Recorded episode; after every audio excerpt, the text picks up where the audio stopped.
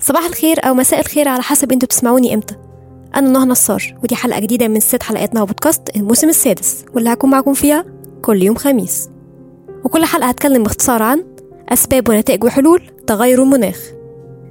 ودلوقتي هتكلم عن الهيدروجين الأخضر وهو وقود عالمي وخفيف وعالي التفاعل من خلال عملية كيميائية تعرف باسم التحليل الكهربائي. وتستخدم هذه الطريقة تيارا كهربائيا لفصل الهيدروجين عن الأكسجين في الماء.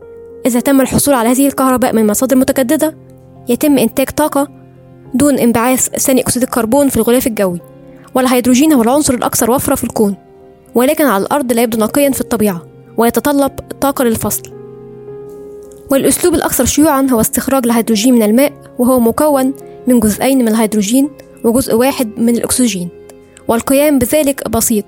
ويمكنك استخدام الحرارة والتفاعلات الكيميائية لإطلاق الهيدروجين من المواد العضوية مثل الوقود الأحفوري لكن هذا يعتبر ملوث للغاية ويعد إنتاج الهيدروجين في جميع أنحاء العالم مسؤولا عن انبعاثات ثاني أكسيد الكربون. ويمكن استخدام الهيدروجين الأخضر على نطاق واسع عن طريق السيارات والشاحنات الكهربائية التي تعمل بخلايا الوقود الهيدروجينية وسفن الحاويات التي تعمل بالأمونيا السائلة المصنوعة من الهيدروجين ومصافي الفولاذ الأخضر التي تحرق الهيدروجين كمصدر للحرارة بدلا من الفحم وبديل الغاز الطبيعي للطبخ والتدفئة في المنازل. ومصدر الطاقة بواسطة الهيدروجين الأخضر له إيجابيات وسلبيات. أهمها أنه مستدام حيث الهيدروجين الأخضر لا ينبعث منه غازات ملوثة سواء أثناء الاحتراق أو أثناء الإنتاج. وأنه قابل للتخزين أي من السهل تخزين الهيدروجين مما يسمح باستخدامه لاحقا لأغراض أخرى وفي أوقات أخرى غير مباشرة بعد إنتاجه. وأيضا أنه متعدد الاستخدامات إذ يمكن تحويل الهيدروجين الأخضر إلى كهرباء أو غاز اصطناعي واستخدامه للأغراض المنزلية أو التجارية أو الصناعية أو التنقل.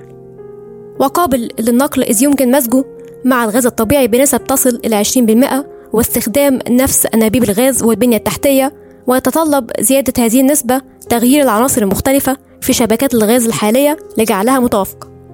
ومن عيوبه التكلفة العالية. إن الطاقة من المصادر المتجددة والتي تعتبر أساسية لتوليد الهيدروجين الأخضر من خلال التحليل الكهربائي تتكلف كثيرا في توليدها واستهلاك عالي للطاقة حيث تتطلب إنتاج الهيدروجين بشكل عام والهيدروجين الأخضر بشكل خاص طاقة أكثر من أنواع الوقود الأخرى. ومن ضمن العيوب أيضا قضايا السلامة. إن الهيدروجين عنصر شديد التقلب وقابل للاشتعال ولذلك يلزم اتخاذ تدابير أمان شاملة لمنع تسرب الانفجارات ويتم إنشاء الهيدروجين الأزرق من مصادر إحفورية حيث يتم التقاط انبعاثات الكربون وتخزينها بينما يصنع الهيدروجين الأخضر من مصادر غير إحفورية. وتدرك صناعات العمليات الكيميائية العالمية هذا الاتجاه وبعضها يقوم بالفعل بمشاريع ضخمة لتسريع انتقال الطاقة. ويستخدم الهيدروجين في تكرير النفط وإنتاج الأمونيا والميثانول ويتم إنتاجه بشكل رئيسي من الوقود الأحفوري عن طريق إعادة تشكيل الغاز الطبيعي بالبخار والأكسدة الجزئية للميثان والفحم ويعتبر الغاز الطبيعي حاليا المصدر الأساسي لإنتاج الهيدروجين حيث يمثل حوالي 75% من الإنتاج العالمي السنوي المخصص للهيدروجين البالغ حوالي 70 مليون طن. وهذا يمثل حوالي 6% من استخدام الغاز الطبيعي العالمي.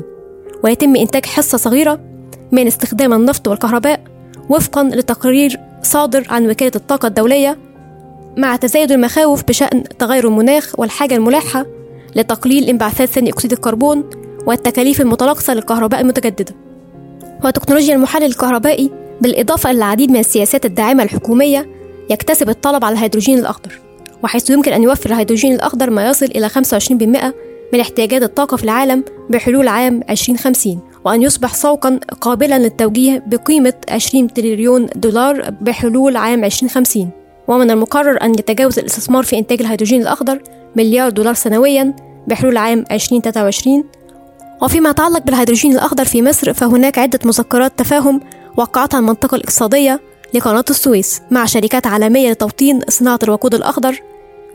ومن بين هذه المذكرات مذكرة تم توقيعها مع شركة FFI الأسترالية تستهدف إنتاج الأمونيا الخضراء التي تعتمد على الهيدروجين الأخضر بحجم إجمالي يتخطى 2 مليون طن من الأمونيا. ولمصر القدرة على إنتاج الهيدروجين الأخضر بأقل تكلفة في العالم ويمكنها من الاستفادة من قدرتها التنافسية والوصول إلى 8% من السوق العالمية للهيدروجين. وبكده انتهت حلقة النهارده من بودكاست ما تنسوش تعملوا like أو subscribe لو في عندكم أي معلومة إضافية بخصوص حلقه النهارده أو اقتراح على الحلقة الجاية شاركوني بيها في ال comments. bye!